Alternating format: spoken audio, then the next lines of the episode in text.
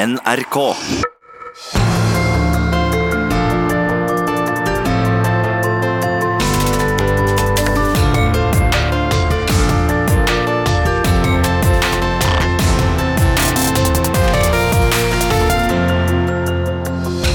I disse dager blir faren for atomkrig regna som større enn under den kalde krigen.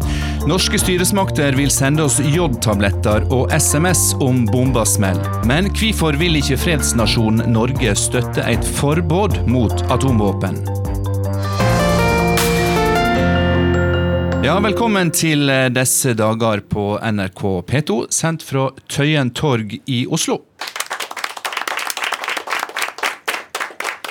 Medan landet har vært opptatt av den borgerlige bomba som gikk av i regjeringa denne veka, har to iranske forskere ved NTNU i Trondheim blitt sikta av PST, mistenkt for å forsyne Iran med informasjon som kan brukes i masseødeleggingsvåpen. Han som sitter med utløserknappen i verdens største atommakt, er stilt for riksrett i USA, samtidig som den globale dommedagsklokka tikker mot midnatt. For av alle farene som henger over oss, blir faren for atomkrig nå regna som reell og større enn under den kalde krigen. Hvordan håndterer Norge en krig der atomvåpen blir brukt? Og hvorfor stritter fredsnasjonen imot i arbeidet for å få til et internasjonalt forbud mot atomvåpen? Det er to av spørsmåla vi søker svar på i disse dager.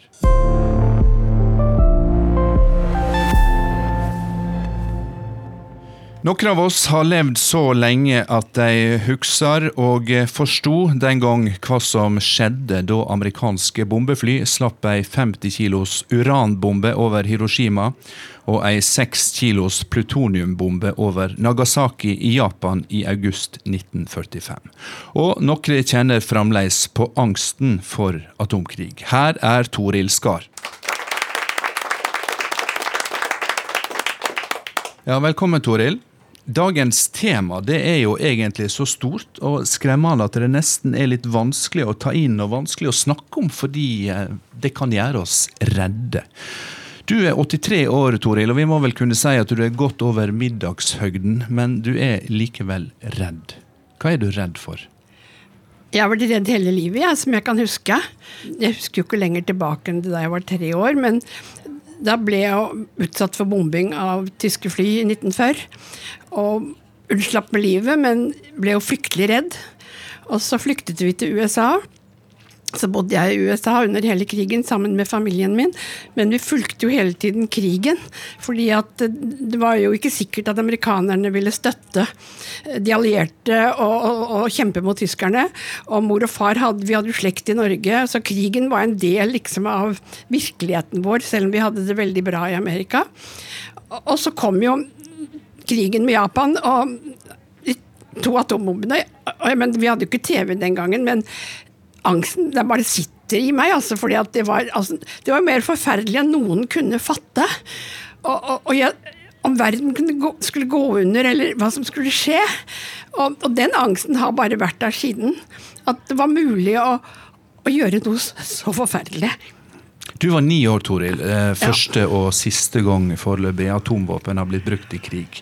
Da bodde du i Washington DC fordi familien din eh, måtte flykte. Eh, og jeg hører jo på deg at du blir jo ennå emosjonelt påvirka når du snakker om dette. Hva inntrykk gjorde det på deg å se de enorme skadene som disse bombene skapte i Japan? Jeg ble, jeg ble forferdelig redd, og vi, og vi snakket jo om det også. Men så ble det, jo, ble det jo fred. Vi skulle reise hjem til Norge. Og da var det jo veldig merkelig, fordi i Norge var det som om som dette med Hiroshima og Nagasaki ikke hadde vært. Det var liksom noe fjernt. noe som, altså De hadde hatt krig i Norge liksom med tyskere som kom, men det var jo liksom med tanks og, og, og fly og geværer. Men det var jo ikke noe som lignet på atomvåpnene. Sånn at det ble jo liksom noe en virkelig virkelighet om hva som kunne skje, som, som, som, jeg følte liksom Skjønner ikke dette, skjønner ikke dette. Vi må skjønne det, fordi vi må forhindre det. Det, det må ikke, det kan ikke, det skal ikke skje igjen. Og, og, nå hadde jo jeg fått krigstraumer, så jeg måtte få psykologisk hjelp. Men jeg tror den hjelpa også hjalp meg til å, å, å, fortsette å kjenne på angsten, selv om jeg, jeg kunne liksom håndtere den. For jeg tror det som skjer for veldig mange med andre, det er at de hører om dette, og så blir de redde. Og så tør de ikke kjenne på angsten, og så gjemmer de den bort. Men vi må tørre å skjønne hva dette er, og vi må tørre å kjenne på angsten. For det er den som skal få oss til å handle slik at vi får dette ikke skjer. Det må ikke skje, og det skal ikke skje. Og, og, da, og da, må vi vite hva det dreier seg om. Du, du, Ikke bare gikk du til psykolog, men du ble jo sjøl psykolog. Ja. Eh, og, du, jeg merka meg at du snakka om atomvåpen og angst eh, nærmest i, i samme andedrag. Og det er jo mange som kan kjenne på angsten for atomkrig. Men hva gjør den angsten for oss? Det, det, det, som er det farligste, er jo at vi gjemmer den bort og lukker øynene og ikke tør å snakke om det. Men vi kan også bruke den konstruktivt. Hvis vi kjenner i hvert fall såpass mye på den og forstår den, at vi bruker den til å, å, å forstå den virkeligheten vi står overfor, ikke bare fornekte den. At vi da setter oss inn i hva dette er, og at vi da bruker de virkemidlene vi har for å forhindre det. Jeg mener, det, det kom jo etter 1945 så kom det jo mange opprop fra, fra Albert Schweitzer og filosofer, fra realister, Linus Pauling, for å forsøke å, å, å, skape opinion blant folk, slik at folk flest skjønte hva dette var. La oss snakke litt om politikk, fordi eh, farfaren din han var jo utenriksminister Halvdan Koht under eh, krigsutbruddet i Norge. Eh, du engasjerte deg politisk, du har vært embetskvinne, du har kjempa for kvinner og barns retter, du har jobba for FN og UNICEF, men ditt engasjement mot atomvåpen har du hatt med deg hele veien. Hvorfor er ikke denne kampen vunnet ennå, Toril, så mange år etter at vi så hva atomvåpen kan brukes til? Det som skjedde etter at den annen verdenskrig var over, det var jo at vi fikk den kalde krigen. Og da ble verden delt i to. Det var liksom Sovjet på den ene siden og USA på den andre. Og, og, og, de, og de, var liksom Det var kald krig mellom dem. Og, de rustet opp på begge sider. Og i Norge var jo det å gå inn i Nato ikke noe enkeltsak. Vi hadde en arbeiderpartiregjering, og, og der var det jo uenighet i forbindelse med om vi skulle gå inn eller skulle, ikke skulle gå inn. Og jeg ble med i og ungdomsfylkning og, og, var aktiv i AUF og sånn. Men så opplevde jeg jo at, at, at når de først hadde gått inn, og, og, og, den beslutningen var tatt, så ble det liksom lagt lokk på debatten. Nå skulle det liksom ikke være noe mer rot og tull. Nå skulle alle stå for det. Og, når vi da stilte spørsmål om jammen, jammen, jammen, skal vi ruste opp, skal vi ha atomvåpen, jammen, jammen, så, så ble det bare det fikk, altså Jeg kom fikk ikke innlegg inn i Arbeiderbladet, og, ikke, ikke, fikk ikke verv i AUF. Og så da liksom, da vi attpåtil spørsmålet kom om atomvåpen skulle plasseres i Tyskland, da ble den eh, spenningen så stor at hele studentlaget ble ekskludert, og jeg med dem. Ja, Vi skal ha inn to eh, fra Arbeiderpartiet, dvs. Si Espen Barth Eide fra Arbeiderpartiet og eh, en av nestlederne i AUF, og høre at de er helt samde om dette ennå. Eh, Toril, du nevnte da du kom tilbake til Norge etter oppholdet i USA at uh, du møtte en, hva skal jeg si, en manglende forståing for hva krig egentlig var for noe, og hvor grusomt det kunne bli når en tok i bruk atomvåpen. Vil du si nå i en alder av 83 år at vi er nærere en realistisk oppfatning av denne trusselen nå? Jeg er veldig redd, jeg. Ja. Jeg er fortsatt veldig redd.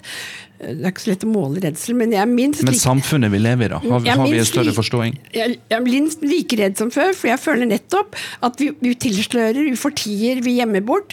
Det er, det er atomvåpen nok til å utrette hele menneskelekten, og vi gjør ikke det vi skulle gjøre og burde gjøre og må gjøre for å forhindre at det skjer. Så, så, jeg mener ikke samfunnet er blitt bedre, tvert om, og den er blitt verre. Og den er blitt verre også fordi at det er blitt mer uforutsigbart. Men de, USA har jo rustet opp som en gal. De har mange, mange, mange mange, mange, mange, mange flere våpen enn en, en noe annet land. Og vi er redde for Russland. De er, har også rustet opp, men de har ikke på langt nær så mange våpen som USA. USA er over hele kloden og kan altså eh, f.eks. bruke atomvåpen over hele kloden. Og når du da har en leder her som er helt uforutsigbar uforutsigbar. Jeg mener det er grunn til å være vettaskremt. altså. Toril Skar, tusen takk så langt for at du kom til eh, disse dager.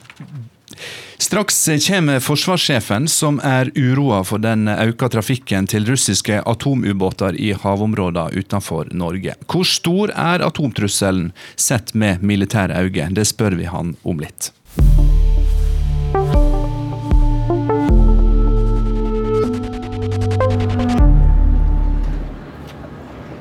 Frykter du atomkrig? Jeg har tenkt på det, men det er ikke noe jeg liksom er veldig redd for. For jeg tenker at det, det sikkert skjer noe før det går så langt. Nei, den frykten gjorde jeg meg ferdig med da jeg var barn. Jeg vokste opp i Finnmark, ikke så veldig langt fra Russland, og da var jeg litt engstelig. Kanskje litt. Jeg har kjøpt sånne tabletter. uh, nei, jeg gjør ikke det. For det er flere enn én som har trykket på knappen, og alle er vel ikke like dumme. vi har jo opplevd det før i verden, og vi vet jo uh, hva skjer etter. Det, det, er jo en katastrofal uh, ting. Man tenker lille Norge, det er ingenting som skjer her, men uh, man vet jo aldri. Det er jo Vi grenser jo mot Russland, så alt kan skje. Ja, det gjør man selvfølgelig, men ikke sånn umiddelbart. Sånn nukleære våpen. De de går egentlig ikke så mye ut på å ødelegge, drepe mennesker, men det er mer og de sender ut en eh, elektromagnetiske pulser som blokkerer all kommunikasjon, alle elektriske installasjoner og alle sånne ting. Og en sånn, sånn atombombe kan, kan paralysere et samfunn fullstendig. Frykter du atomkrig? På en måte. Jeg husker da, i, da det var noe med Russland, det var vel i 60-åra. Da var jeg veldig redd. Ja, da Khrusjtsjov og alt dette der. Jeg var reddere da, på en måte. Ja. Og nå, da? Det ligger lenger bak i hodet. Men eh, jeg har ikke tenkt så mye på det. Men det, det, jeg tror det er større sjanse nå. Du hører NRK P2.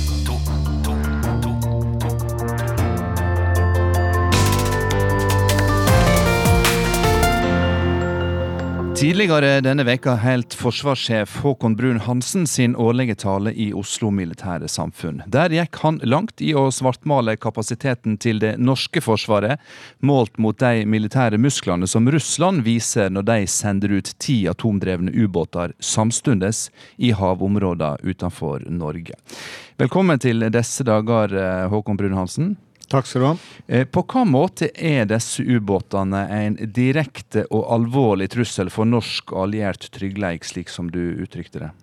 Ja, For det første så opererer ubåtene under vann. De er veldig vanskelig å finne og kan være hvor som helst i havområdet.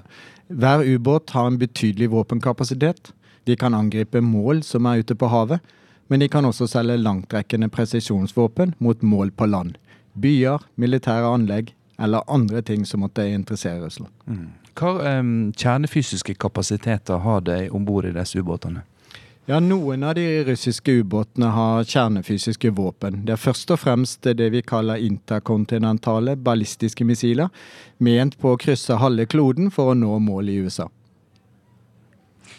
Samtidig så har vi mange ganger sett langtrekkende russiske bombefly stryke langs uh, norskekysten langt sør i mer eller, mindre, mer eller mindre demonstrative øvingsmønster. Og vi har sett amerikanske bombeflytokt inn i Barentshavet mot Russlands grense. Hvor viktig vil du som forsvarssjef i Norge si at atomtrusselen er i det militære trusselbildet? Ja, det er en eh, viktig del av det. Altså, atomvåpen ble jo tidligere kalt for mutual self-destruction. Altså det å bruke de, og det at en annen part er i stand til å forsvare med det, kan utslette eh, både nasjonen og i verste fall hele kloden. Så man ønsker jo ikke at atomvåpen skal brukes.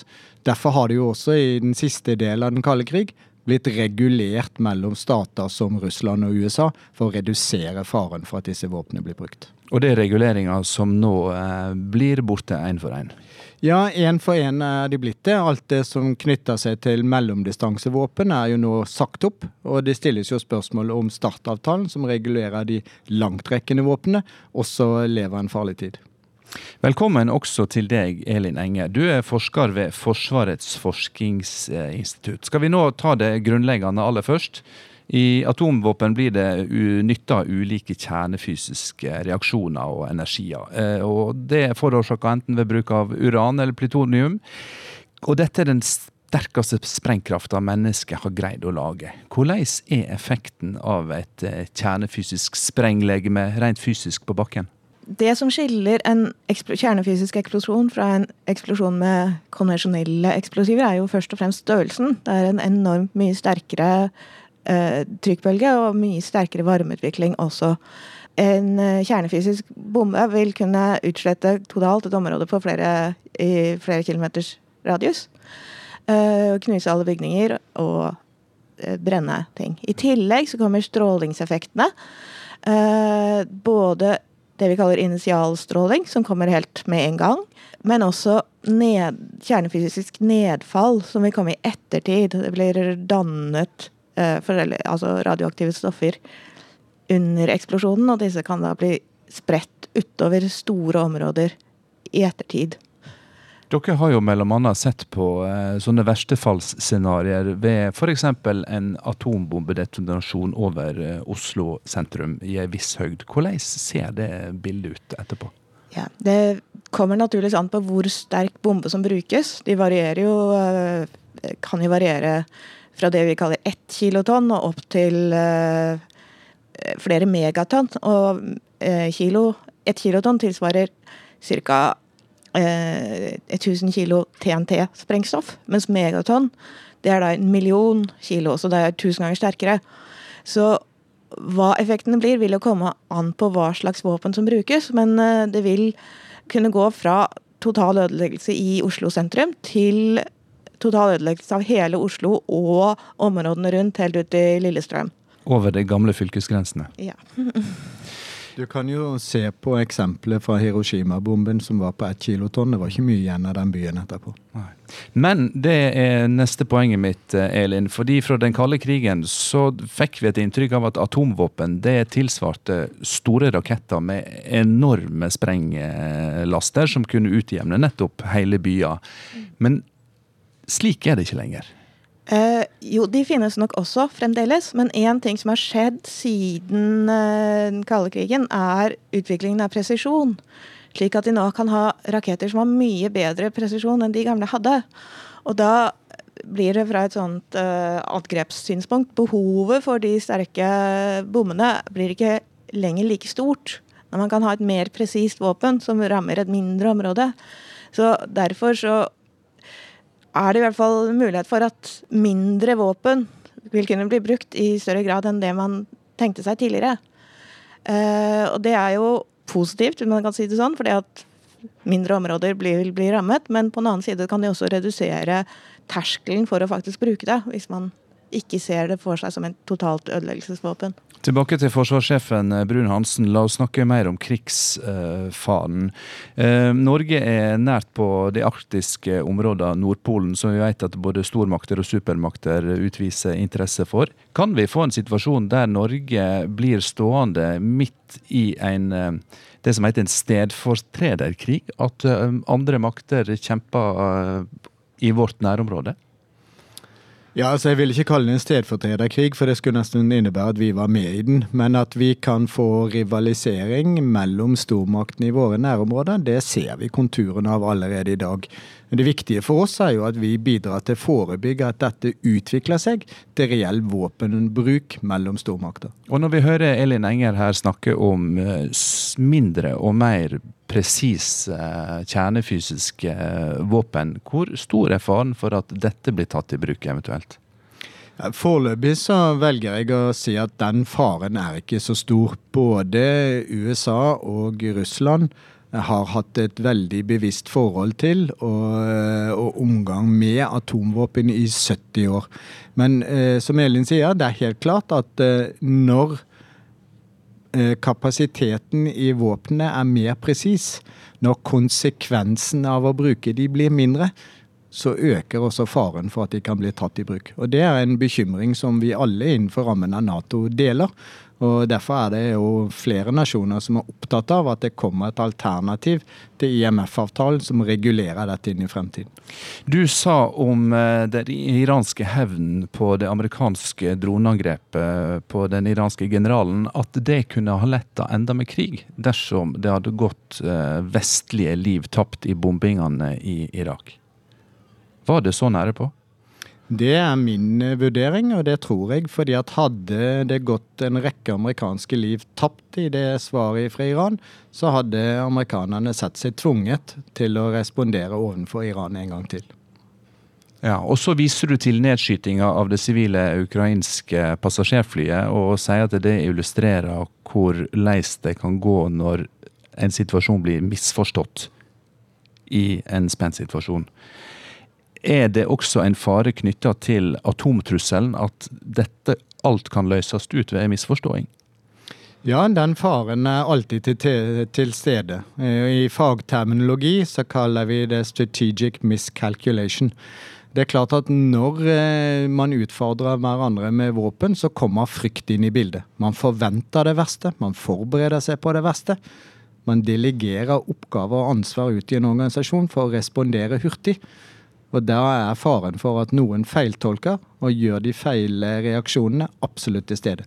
Vi vet ikke fasiten om hva som skjedde utenfor Teheran, eh, men det er nærliggende å tro at eh, noe av dette har spilt inn i forbindelse med nedskyting av flyet. Forsvarssjefen her er uroa for at uh, små atomvåpen kan være lettere i bruk. Kan vi da si at små atombomber egentlig er like farlige som de store?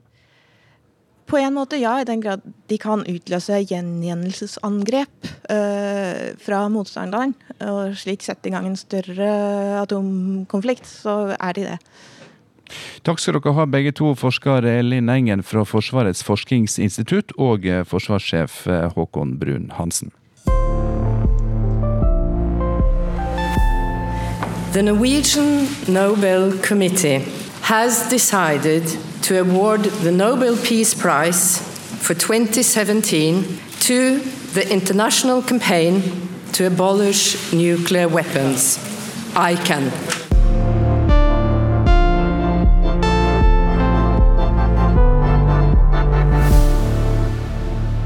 Ja, og ICAN er organisasjonen som jobber for et internasjonalt forbud mot atomvåpen, og de fikk altså Nobels fredspris i 2017. Grete Østen i Norsk Folkehjelp har vært ei sentral kraft i dette arbeidet. Her er hun sammen med NUPI-forsker Sverre Loddgaard. Jeg får begynne med deg som eh, nesten har fått Nobels eh, fredspris, Grete Østern. Eh, jeg skal vise til ei undersøking som Den internasjonale Røde Kors-komiteen har gjort. De har spurt 16 000 unge voksne fra ulike land om de tror det er sannsynlig at de får oppleve en tredje verdenskrig. Og nær halvparten av de spurte svarer ja. Har de grunn til denne uroa, mener du? Ja, det mener jeg definitivt at de har. Og de, i den undersøkelsen så sier de jo også at de eh, mener at det er sannsynlig at atomvåpen eh, vil bli brukt i deres levetid. Det tror jeg er eh, helt korrekt. Vi må erkjenne den risikoen. Og jeg tenker på disse ungdommene og barna, som også får med seg mye av den informasjonen. For I den undersøkelsen ser du at det er mange som, som, som innser dette, som, som, er realister. Men eh, vi vil få eh, mer og mer informasjon om dette som gjør at dette vil sige inn hos flere og flere barn og unge. Og hvordan påvirker det eh, disse barna og unge, som ikke bare har klimatrusselen, men også atomvåpentrusselen foran seg i sine liv. Hvordan vil det påvirke deres mentale helse? Deres tanker rundt eh, hvorvidt det er noe vits i å legge ned eh, krefter og ressurser i utdanning osv. Og, så og hvordan vil det påvirke hele samfunnet vårt? Mm. Det tenker jeg på. Vi hørte jo Toril Skar snakke om eh, angsten hun har kjent på eh, siden hun var lita jente. Men eh, jeg tenker på, vi har hatt atomvåpen på kloden i 70 år, eh, og det har blitt brukt i krig én gang. Hvorfor mener du at det er så stor grunn til uro nå? For det første så er det eh, store internasjonale størrelser som er ganske tydelige på dette. F.eks. USAs forsvarsminister, eh, tidligere forsvarsminister William Perry, som sier at eh, risikoen er nå større enn den var. Og eh, i motsetning til det forsvarssjefen pekte på, så peker jo han på eh, atomvåpnene som USA og Russland har, som den største risikoen. Fordi eh, de har eh, de store lagrene, de har eh, atomvåpen on alert osv. Sverre Loddgaard, du er kjent som seniorforsker ved Norsk utenrikspolitisk institutt. Du har jobba mye med skal vi si, den kjernefysiske slagkraften på kloden. Dette med at faren for atomkrig blir regna som større nå enn under den kalde krigen, hva er det som er ulikt i dagens situasjon mot den gang? Jeg tror de fleste fester seg ved at eh, det er fare for eh, krig eh, regionalt. Kanskje i første rekke i Sør-Asia mellom atommaktene India og Pakistan. Som har en territoriell konflikt i Kashmir som gjør det veldig vanskelig å utvikle tillitsskapte tiltak der. Og de har en lang felles grense. Under den kalde krigen eh, var rivalene USA og Sovjetunionen på det korteste 5000 km fra hverandre, og hadde ingen eh, territoriell konflikt. For det andre eh, så er det jo fortsatt eh, fare for krig ved uhell. Vi har hatt en rekke slike situasjoner i atomalderen hvor det har vært nære på. Eh, interessant i den sammenhengen er at Eh, mens veldig mange av disse nære på-tilfellene har hatt tekniske årsaker, eh, så har de som har mottatt varselet, i veldig mange situasjoner gamblet på at det var feil. Sikkert i vissheten om eh, atomkrigens uhyrligheter. De ville ikke medvirke til det. Det var f.eks. tilfellet i 83, da en russer fikk melding fra en tidligvarslingssatellitt om at fem interkontinentale raketter var på vei mot Russland. Han sendte ikke informasjonen videre. Mange slike tilfeller. Og Cuba-krisen eh, bød jo på den mest kjente eh, slike situasjonen. Grete Østern eh, som altså da fikk fredsprisen for sitt arbeid, peker veldig ofte på faren for misforståinger, tekniske feil. Er, er de farene der større, slik det ser det, enn en kalkulert bruk av kjernefysisk våpenmakt? Ja, det er vanskelig å, å, å, lage sannsynlighetsberegninger. Poenget er jo at uh, i dag, i enda større grad enn under den kalde krigen, som vi vet at det var mange misforståelser, uhell osv. Og, og nære på-situasjoner, så har vi mye mer av det vi, av potensialet. Vi har flere aktører, vi har ikke-statlige aktører, vi har terrorister, vi har cyberangrep osv. Vi har spredning av altså Det kan skapes falsk informasjon eh, så, og, og, og system, som gjør at systemene kan kicke inn eh, på når som helst. Eh, slik vi ser det, så er det et spørsmål om tid. Vi må erkjenne at denne risikoen er reell. Og vi må erkjenne eh, at risikoen ved kjernefysisk avskrekking er større enn de fordelene det eventuelt måtte ha. Atomvåpen gjør oss ikke tryggere. Det gjør oss mer utrygge. Det er ikke en bærekraftig sikkerhetsløsning på sikt. Og det må vi erkjenne, og da må vi stikke fingeren i jorda og begynne å diskutere det begynne å diskutere fordelene og ulempene og risikoen og begrensningene ved det som er dagens norske sikkerhetspolitikk, som er å basere seg på kjernefysisk avskrekking. Samtidig vil mange si at selve poenget med atomvåpen er at de ikke skal brukes. De skal kun nyttes til avskrekking og i en terrorbalanse. Det at vi ikke har sett atomvåpen i bruk siden andre verdenskrigen, er ikke det også et dømme på at terrorbalansen på sett og vis fungerer? Jeg mener at det, eh, et, eh, det, betyr at vi har hatt flaks, og at den flaksen kan umulig vare uh, over tid. Derfor er det et spørsmål om tid.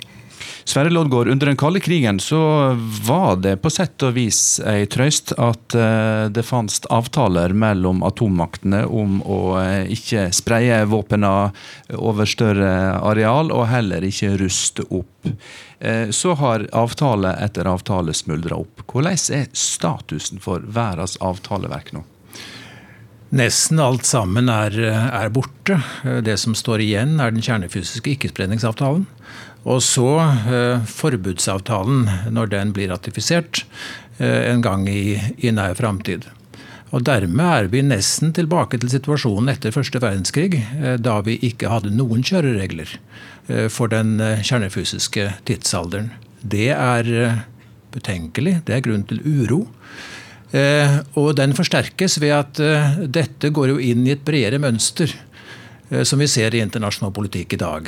Avtaler brytes opp, internasjonale institusjoner undergraves, folkeretten neglisjeres rett så ofte.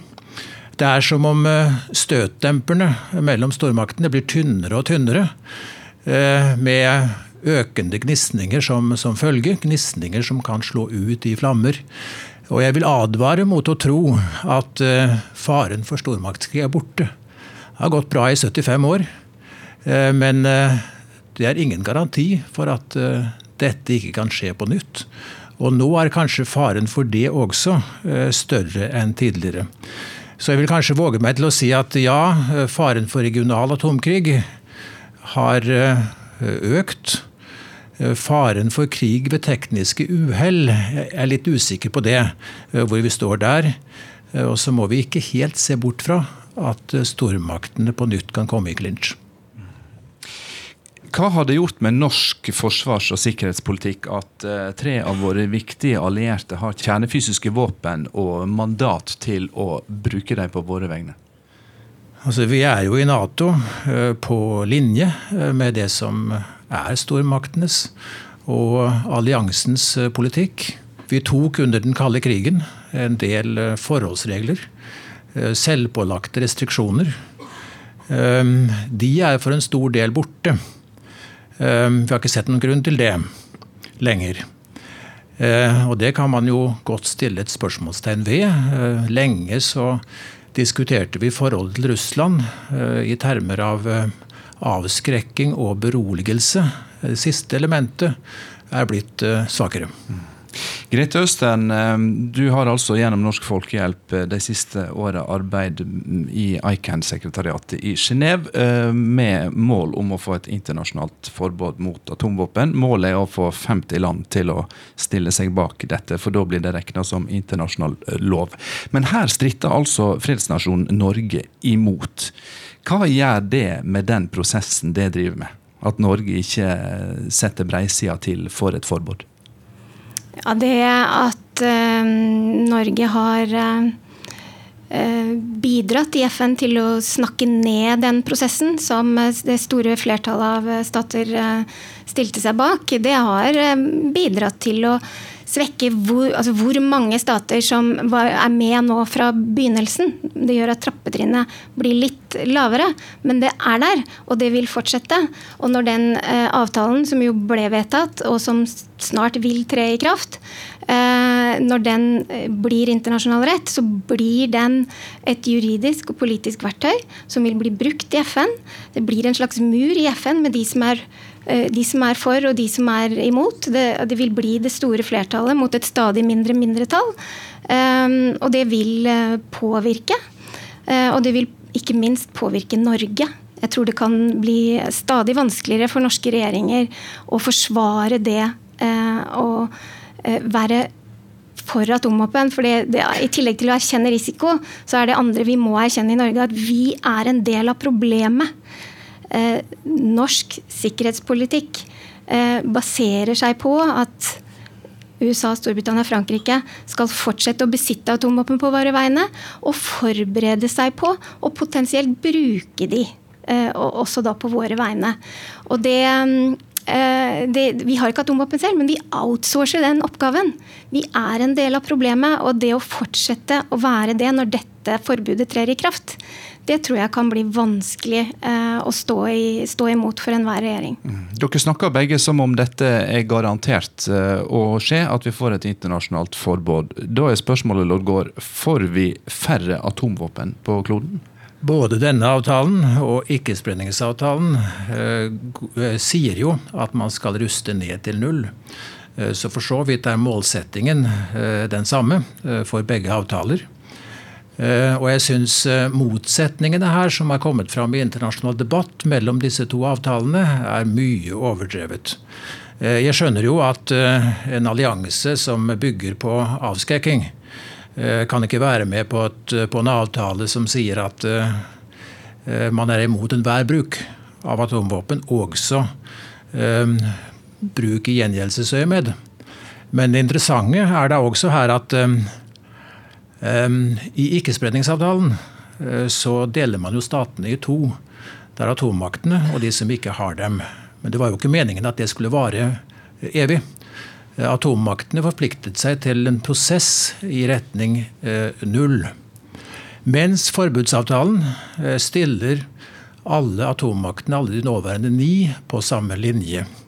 De fem de sier da at ikkespredningsavtalen gir dem en spesiell status. Disse er de anerkjente maktene. De som har lov? Det er de som har lov.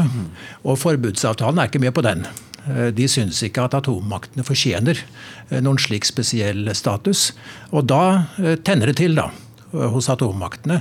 Og så får man et inntrykk av at den ene avtalen står skarpt mot den andre. Nærmere analyse viser nok at det er ikke tilfellet. Grete Østern eh, fra Norsk Folkehjelp, du har jo vært involvert i eh, arbeidet med et annet internasjonalt eh, våpenforbud, nemlig forbudet mot klassevåpen, som ble undertegna i Oslo i 2008. Da jobba du tett sammen med daværende statssekretær og senere utenriksminister Espen Barth Eide, som er iblant oss i dag. Spørsmålet er hvorfor er både han, Arbeiderpartiet og den norske regjeringa lunkne til prosessen med internasjonalt forbud mot atomvåpen? Vi skal straks spørre han når han møter meningsmålingene motstanderen fra AUF.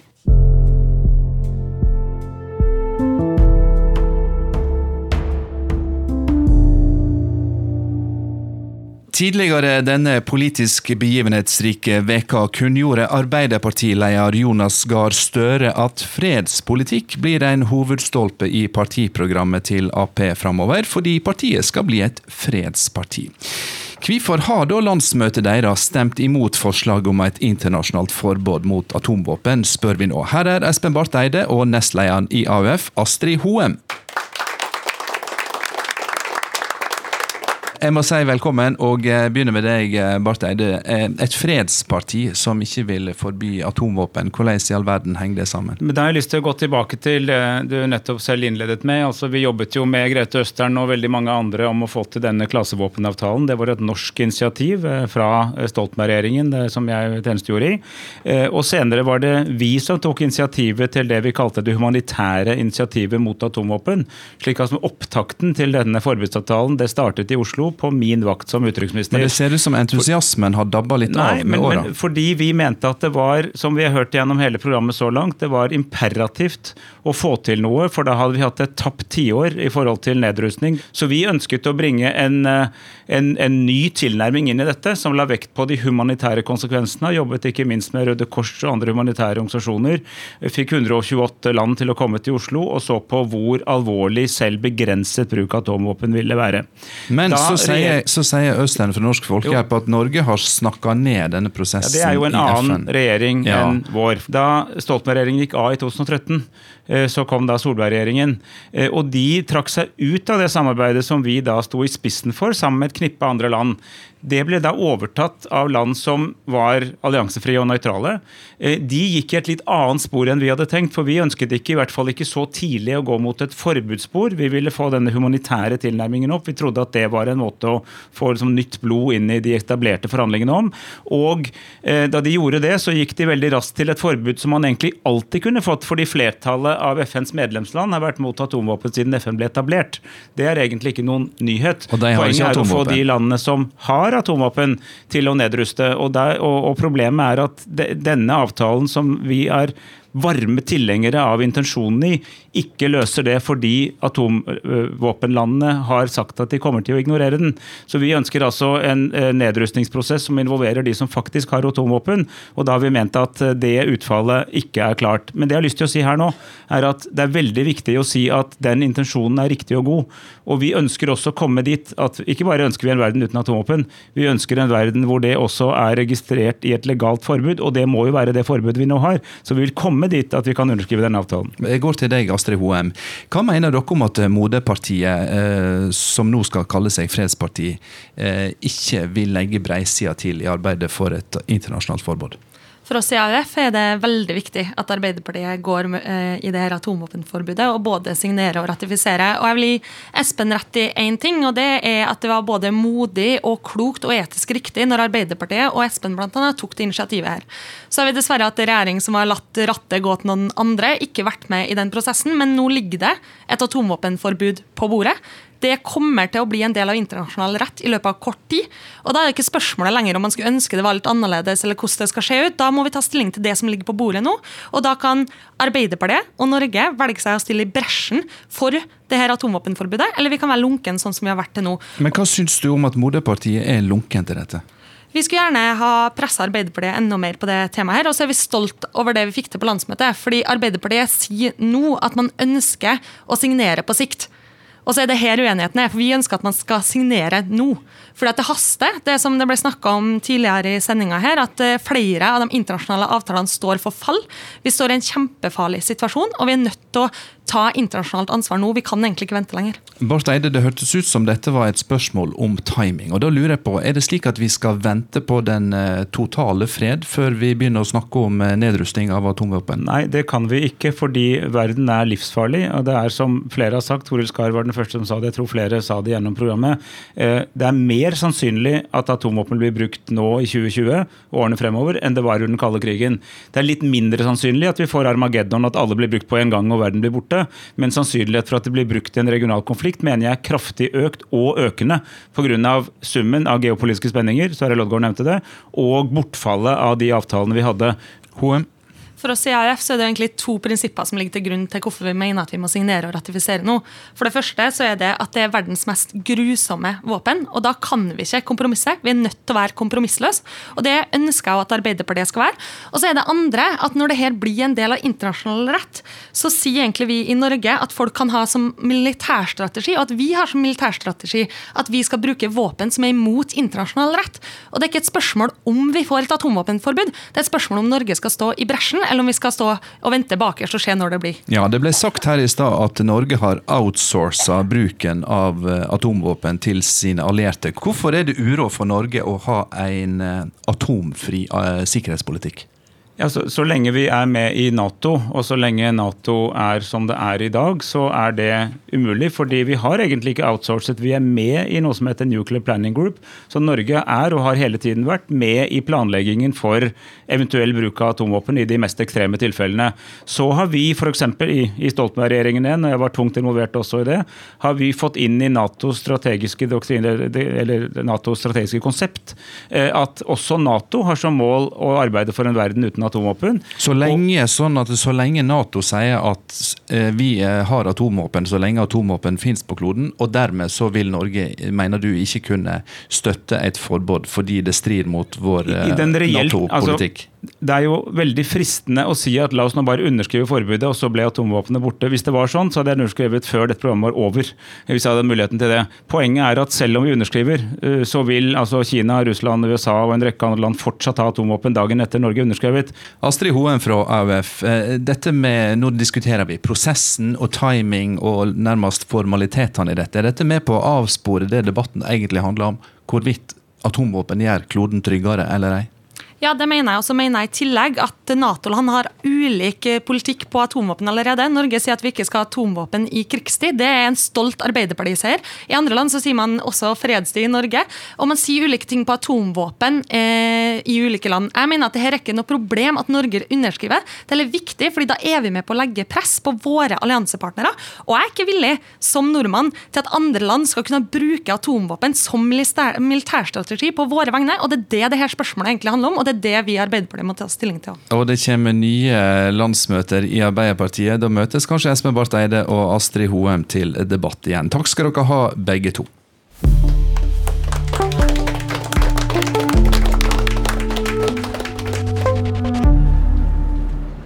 Vet du hva du skulle gjort i tilfelle det skjedde et væpna angrep på Norge?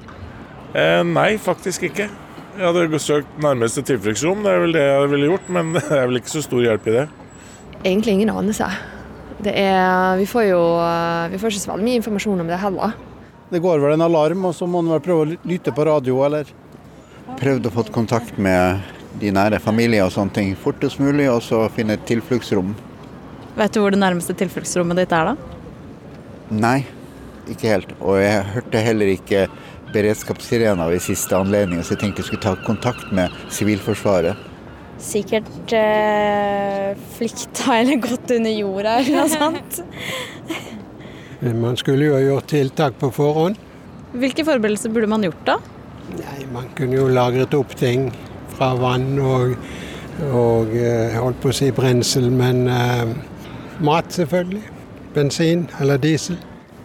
Vet du hva du skulle gjort da hvis det skjedde et uh, væpna angrep på Norge?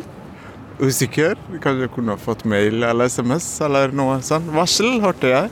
Jeg fikk en liten uh, brosjyre av postkassen min ikke så lenge siden hva jeg burde ha i mat og drikke hvis det blir ja, akutt situasjon.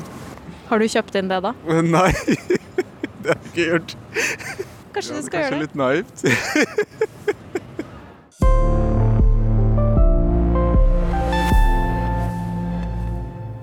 En ting er at mann og kvinner på gata ikke er helt sikre på hva de skal gjøre ved et krigsutbrudd i Norge. Viktigere er det at styresmaktene våre vet hvordan de skal håndtere en slik krise. Hva planer har de om det verste skulle skje? Vi spør Øyvind Selles fra Direktoratet for strålevern og atomsikkerhet og Jørn Atle Moholt fra Sivilforsvaret. Jeg begynner med deg eh, som er seniorrådgiver i Direktoratet for strålevern og atomsikkerhet. eh, Øyvind. Denne måneden har barnehager og skoler i Oslo fått eh, tilgang på jodtabletter som en del av atomberedskapen. Hva skal det være godt for? Ja, Dette med atomberedskap går jo langt tilbake, etter erfaringene fra Tsjernobyl-ulykken, egentlig. Vi har eh, et eget eh, kriseutvalg for atomberedskap, som har ansvaret for å gå inn og sikre en rask og god faglig håndtering av hendelser når det skjer. Ja, Hvordan i all verden håndterer en f.eks. en atomkrig? Kriseutvalget har ansvar for, eh, for hele spekteret. Fra ulykker til terroranslag til sikkerhetspolitiske hendelser og krig. Og så har jo fokuset vært på ulykker så langt. Og nå begynner en også å se mer på den andre delen av spekteret. På sikkerhetspolitiske kriser og krig. Og nå har vi fått i oppdrag fra, fra noen sentrale departementer å utrede et eh, kjernevåpenscenario, et scenario med bruk av kjernevåpen i Norge, på norsk jord, eller i nærheten av Norge, og se på hva det vil ha å si av konsekvenser og tiltak for håndtering av det. Ja. Og Dere har jo tidligere hatt fokus på ulykker, og da har dette med varsling vært en slags uh, trøystende stikkord, at en blir varsla i god tid. Men når det gjelder krig og konflikt, så kan ikke jeg regne med at en blir varsla? Nei, og varslingsavtalene er, er, viktige. Men vi har bestandig vært opptatt altså av å ha egne systemer for å fange opp når noe skjer. Når det blir økt radioaktivitetsnivåer i lufta, og når noe skjer, så, så, fanger vi det opp med egne systemer. Og vi har et tredvetalls stasjoner rundt om i Norge og på Svalbard som står og overvåker hele tiden i et automatisk nettverk. Og vi har også godt samarbeid med andre land i Europa med gjensidig varsling, også når vi får utslag på disse nettverkene. Jørn Atle Moholt, du er stabssjef i Sivilforsvaret, som bl.a. har ansvaret for eh, mange av tilfluktsrommene i Norge. Eh, for det ble jo brygd veldig mange tilfluktsrom under den kalde krigen. Nå har det satt i gang en storstila kartlegging av landets tilfluktsrom. Hva var bakgrunnen for det? Det er det endrede sikkerhetspolitiske bildet eh, som gjør det behov for å se på tiltakene igjen. Eh, dagens sivilforsvar og sivile beskyttelsestiltak er jo stort sett utformet eh, under den kalde krigen. I hvert fall de sivile beskyttelsestiltakene. Og Sivilforsvaret har siden 2008 hatt fokus i forhold til forsterkning av nødetatene i fredstid. Det var en gang meninga at det skulle være plass til om lag halvparten av landets befolkning i tilfluktsrom. Hvordan er tilstanden på disse gamle byggverkene nå? Altså Dekningsgraden per dag er i underkant av 50% ca. 46 eh, Tilstanden på rommene varierer i stor grad. Eh, det vi kan si er at De rommene som er i daglig bruk, de er i relativt god tilstand. De som bare står der og ikke er benytta, de er en tilsvarende dårligere tilstand.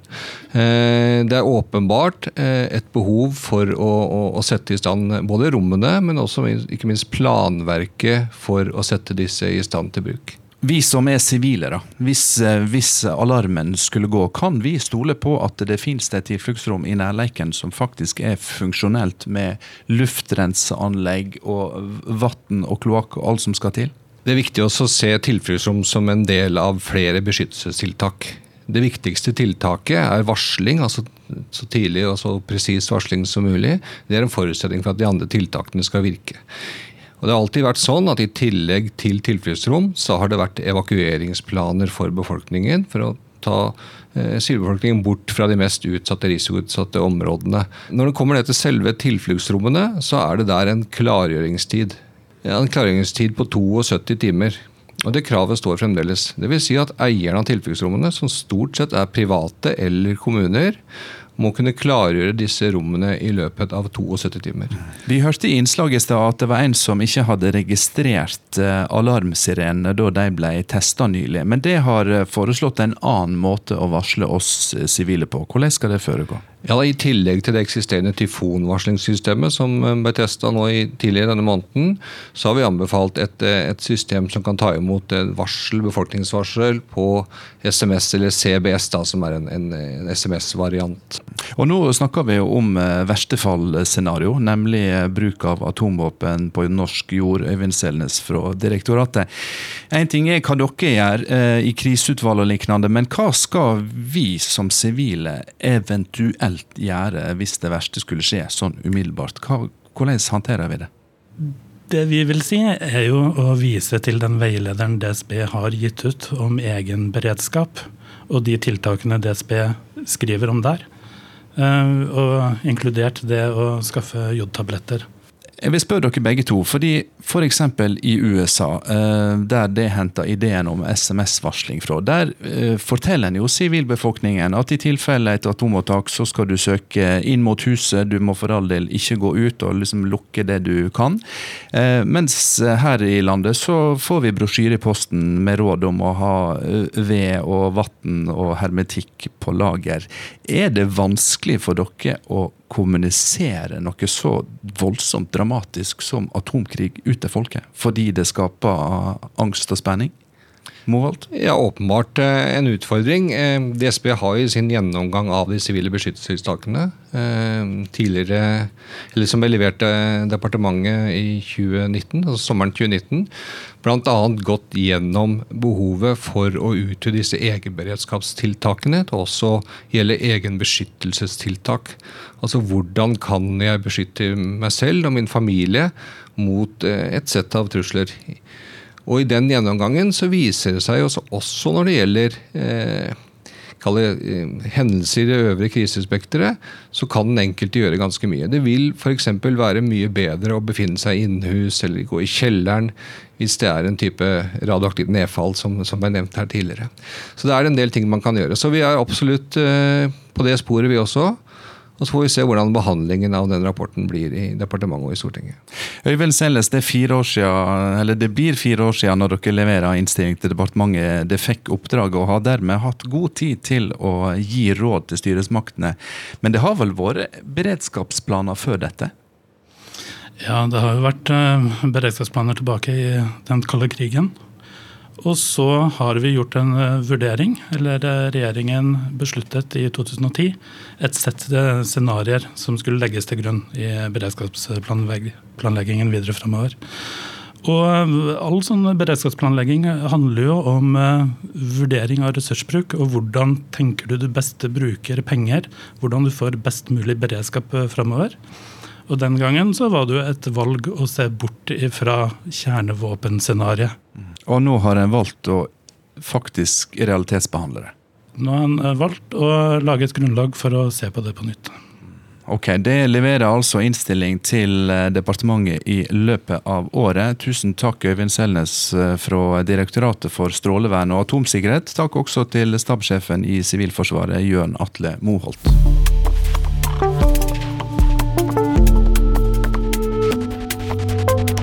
Vi skal eh, slutte der vi starta. Vi hørte den mangeårige atomvåpenmotstanderen Toril Skar snakke om at hun egentlig har vært redd helt siden hun opplevde utbruddet av andre verdenskrigen i Norge.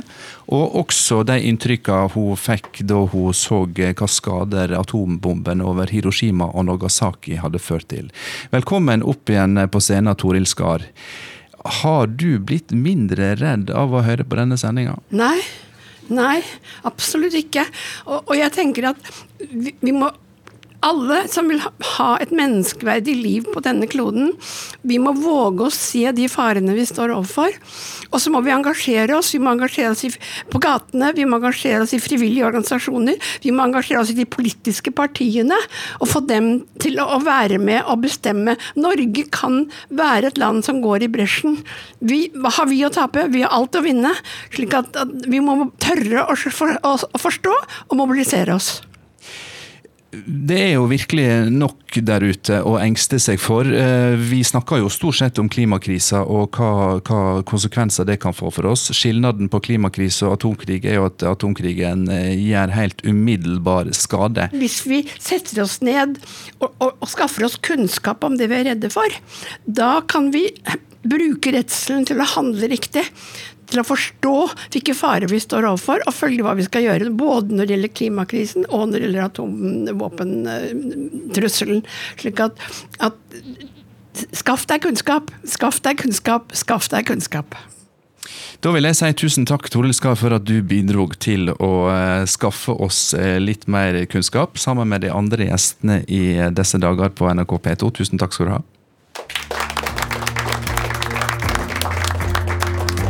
Denne utgåva av Disse dager er ved vegs ende. Neste gang sender vi fra Trondheim, og du er mer enn velkommen til å komme med forslag og tips til tema da, på e-posten disse dager, krøllalfa, nrk.no.